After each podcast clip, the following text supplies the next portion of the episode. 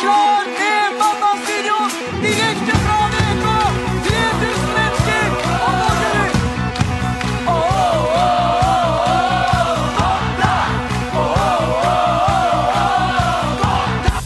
Full overtenning og endelig mandag når Petter Stordalen holder show. Men søndag kom pressemeldingen. Gunhild og Petter flytter fra hverandre. Det mektige paret har tatt oss med inn i hotellsuksesser, de har bygd opp klimaengasjementet sammen og vært åpne om den sårbare sykdommen. Jeg heter Tor Erling Tømt Ruud, og dette er Verdens gang.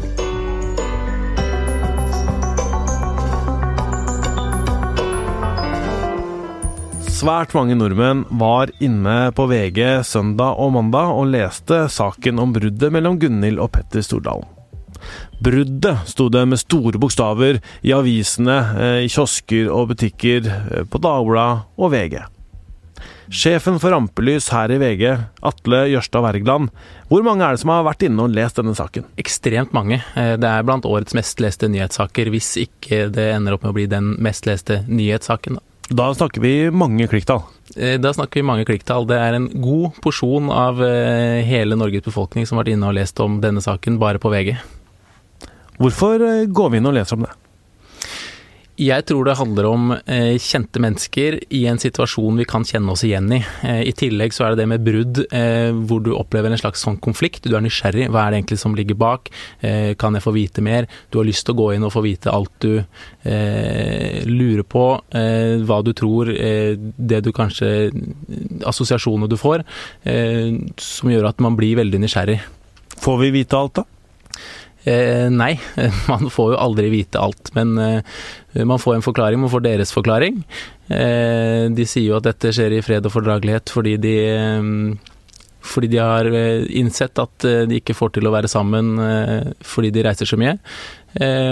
Og så er det jo som det alltid er i de sakene der, man får en versjon, og så ligger det som regel noe mer bak, men som er av en privat art, og som vi ikke nødvendigvis alltid får vite om.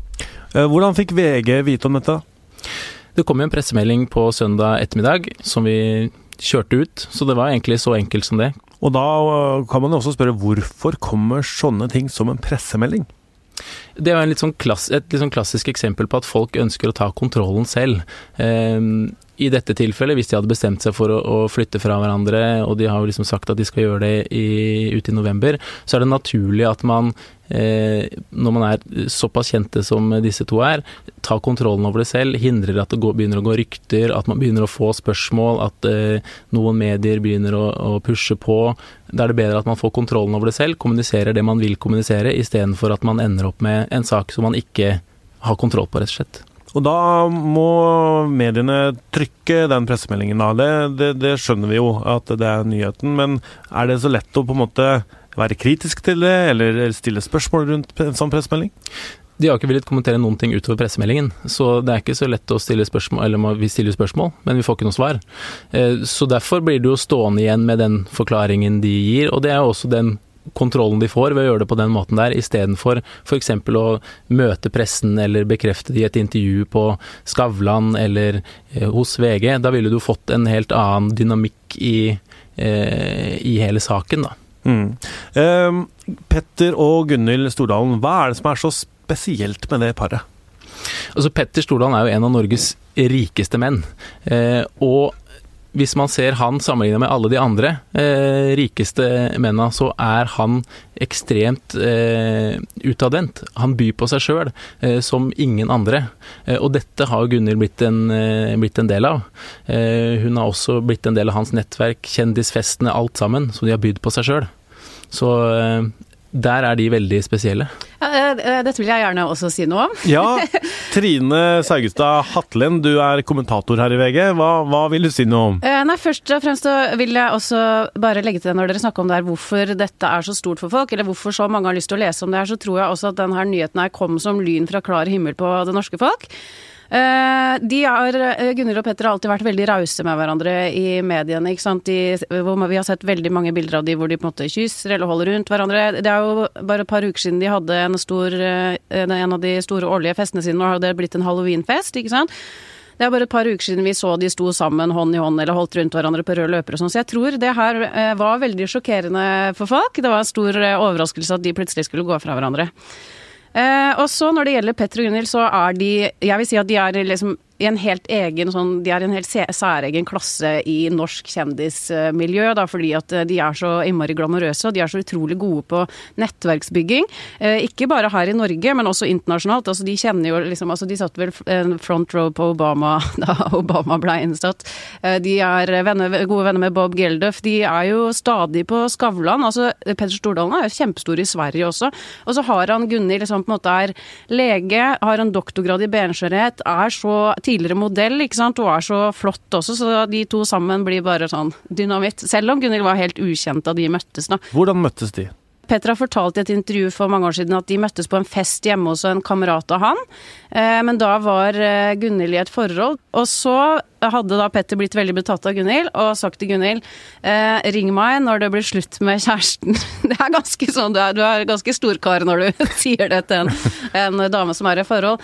Men så gikk det da etter, altså ifølge historien så gikk det et par år før Gunhild da sendte han en melding og sa at Petter skulle få en date hvis han eh, slo henne i Bygdøymila, som på en måte er en sånn løperute ut på Bygdøy, da. Mm. Så, så ifølge Petter og Gunhild sin versjon, så var det sånn de på en måte blei sammen, da.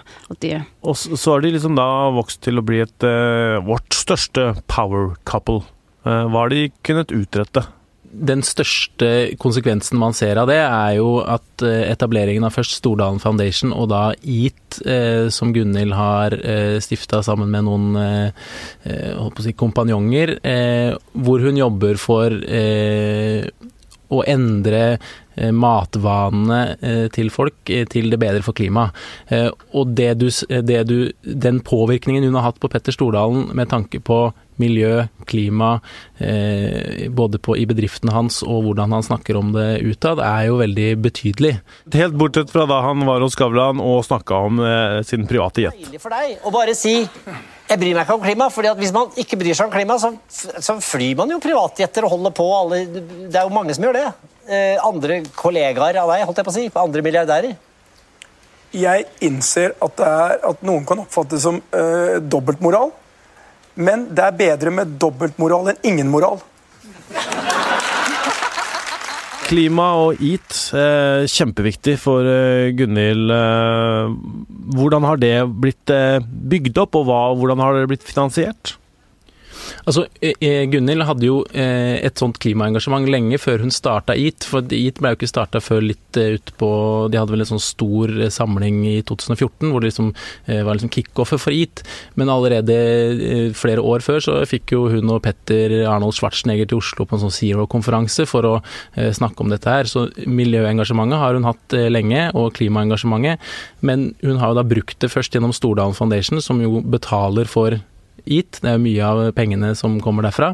Eh, har hun da bygd opp EAT sammen med en rekke professorer og eh, andre aktører til å bli en pådriver for eh, det hun så en mangel på, som var klima, eh, altså endre klimaavtrykket med tanke på mat. Mm, eh, men hvordan vil eh, dette bruddet påvirke disse karrierene og disse selskapene? Ehm, jeg tror ikke at eh, Petter Stordalens miljøengasjement eh, i forhold til hotellkjedene sine kommer til å synke noe særlig, selv om det er slutt eh, mellom han og Gunhild. Men jeg syns det var veldig rart at han plutselig kjøpte Ving. For det stemmer virkelig ikke overens med Altså det at han setter i gang masse effektive miljøtiltak på hotellene sine er jo helt supert, det er lett å tro på. Men at han kjøper et reiseselskap, det er litt vanskeligere å få til å stemme inn i den formelen her med det miljøengasjementet, da. For Gunhild sin del så har Gunhild klart klart å bygge opp i til å bli veldig stort, og har et kjempenettverk. Eh, hun eh, kjenner masse viktige mennesker, så jeg tror IT eh, kommer til å fortsette å, å eksistere og antageligvis bare vokse. For det er veldig tiden med det med miljøengasjementet og uh, spiser mindre kjøtt og det er veldig, veldig i tiden. De blei sammen, de gifta seg, de åpna, eller Petter har åpna mange hoteller. Hun har etablert EAT. Og så blei Gunhild syk Øvelse som når én blir syk i et parforhold. Det er klart det er kjempetøft. Og det har vært har gått noen kuler varmt mange ganger. Men det viktigste er at vi har, vi har stått sammen, vi har stått i sannhet, og vi har, som Petter sa, det var ikke Gunnhild som ble syk, vi ble syke. Du, du, Petter og Gunhild har jo vært veldig åpne om hele denne sykdommen hennes. Eh, De har skrevet eh, bøker begge to om hvordan de har opplevd det. De har snakket i intervjuer. De har eh, fortalt om hvordan den opplevelsen har vært. Om eh, sykehuset i Amsterdam. Eh, Gunhild har i boka si, som jeg titta litt gjennom i går, forteller om noen, eh, beskriver noen episoder som, om hvordan hun har hatt det, om hvordan hun eh, svømte utenfor huset deres på Bygdøy og plutselig bare merket at eh, kreftene var helt slutt. Hun klarte omtrent ikke ta et eh, svømmetak til, eh, før hun eh, til slutt fikk eh, klart å karre seg opp på brygga og krøpet seg opp, eh, opp i huset. Eh, de har fortalt hvordan disse tingene har føltes ut på kroppen. Eh, de har vært åpne, som vi hører i klippet her også, om hvor vanskelig det har vært å stå i eh, selv. Og i den siste boka til Petter nå også, så eh, diskuterer jo han også hvor hvor eh, vanskelig det er å holde sammen i en sånn sykdomsperiode, eh, selv om det er på generell basis. Men kan det ha hatt noe for forholdet? Eh, ja, det er jo vanskelig å eh, spekulere i akkurat det konkrete med et sånt konkret eksempel, men jeg leste litt forskning om det i går. eh, Det her med at eh, kronisk at eh, altså risikoen for brudd er veldig mye større ved kronisk sykdom. Da. Det er vanskelig Nå skal jeg ikke bli helt Sissel Gran her, men det er vanskelig å komme seg gjennom en sånn en så dramatisk krise, for Gunhild var jo kjempe, kjempesyk og har vært syk i fem år. Hva det gjør med et kjærlighetsforhold, det, kan, det, er, det er vanskelig. Det er litt vanskelig å, å vite, all den tid så de ikke har snakka noe om eh, dette eh, bruddet etter den pressemeldingen. Men det som eh, mange lurer på, og som, som VG skrev om tidligere, er denne ektepakten.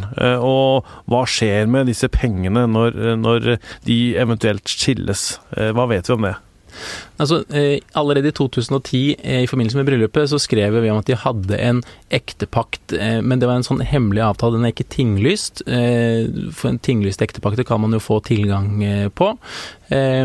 Og det som står der, er at hun har vært sikret å få over 100 millioner kroner i kontant penger ved en eventuell skilsmisse. For det står at hun tok ikke med seg noe inn i forholdet av verdier, men ut så skal hun da få med seg noe. Det er ikke bare bare 100 mil. Nei, det kan du selvfølgelig si. Men de har i hvert fall ikke villet kommentere dette noe ytterligere nå, og den er som sagt ikke tinglyst, og vi vet jo ikke om den gjelder da, men eh, han bekreftet, Stordalen altså bekreftet det i 2010, at de hadde inngått en, eh, en sånn ektepakt som eh, skulle gjelde fremover. Men for alt vi vet, så kan de jo ha personlige avtaler som endrer og justerer på det bildet, da. Eh, Hver gang eh, pressen skriver om eh, sånne brudd, så, så kommer det også kritikk om at det skjer faktisk viktigere ting i verden, og at det er lite følsomt og umusikalsk å skrive om brudd. Hvorfor gjør vi det? Nei, altså vi gjør det av den åpenbare grunn at eh, det er, dette er en snakkis, det er noe folk er opptatt av. Eh, og jeg mener det er viktig for en avis som VG å faktisk skrive om de tingene som folk er opptatt av. Eh, og så er det sånn at det er ikke ukas eller årets viktigste sak, men det er også en del av alt det vi gjør på VG. Vi er gode på Frode Berg, vi skal være gode på Nav, men vi skal også være gode på hva som skjer når eh, Petter og Gunhild eh, flytter fra hverandre sånn som nå. Eh, de har selv søkt offentlighet rundt ekteskapet, rundt forholdet, rundt eh, eh, sitt liv. Og da mener jeg naturlig at vi også eh, er med eh, når eh, forholdet tar slutt. Og så er det sånn at dette er altså Veldig mye av den kritikken kommer veldig ofte fordi at de sier at man gjør dette, og så gjør man ikke dette. Men det er jo ikke det som er faktum. Vi har skrevet tre eller fire saker om Stordalen, vi snakker om det nå. Mens hvis du ser på de tingene vi virkelig legger ressurser i, så er ikke bildet sort-hvitt, da. Altså, eh, altså, det er litt sånn naivt å tenke sånn, for den norsk presse er jo ikke sånn at eh, vi ligger jo ikke liksom med paparazzier i buskene utafor huset til Gunhild og Petter og følger med på om Gunhild kommer hjem på kveldene. Det er jo ikke sånn den bruddnyheten her har kommet. Og det eh, norske kjendiser eller kjendiser i Norge og pressen lever jo en slags sånn symbiose, ikke sant. Eh, Petters team inviterer jo VG på, ut til huset der når han har fest. Han, han forteller liksom når de skal komme, sånn at vi kan komme og ta bilder av det. Eller når han skal åpne et nytt hotell og skal på en måte komme ut med en eh, gitar eller komme heisende ned fra en lift og gjøre de her showstuntene sine, så får jo han på en måte Han lever jo av den gode PR-en han får på sånne eh, på det han gjør. Eh, og så har de jo da også sendt ut denne her pressemeldingen selv også, ikke sant. Fordi at de ville nettopp komme spekulasjonene i forkjøpet. De kunne, de kunne holdt det hemmelig. Vi, altså hvis vi hadde ringt de, og de hadde sagt at de ikke ville omtale det, så hadde vi heller ikke skrevet det der og da. ikke sant? Vi, liksom, dette her er ikke, det er ikke som i USA og i England her i Norge. Eh, og så, eh, jeg, jeg, tenker at norsk presse er liksom eh, noe av det snilleste i verden. Så jeg så at den kritikken kom allerede i går formiddag, og så tenkte jeg at den kom jøss, den kom tidlig i år. Det hadde ikke gått et døgn engang. Men så må jeg altså innrømme at da jeg våkna i morges og gikk inn på Snapchat og så bombeangrepene i Gaza og Tel Aviv, så er det jo Man får jo litt Da blir man jo litt realitetsorientert, kan du si, da. Verdens Gang lages av Emilie Hall Torp, Kristine Hellesland og meg, Tor Erling Tømt Ruud. Magne Antonsen er teknisk produsent, og i denne episoden har vi også brukt lyd fra TV 2.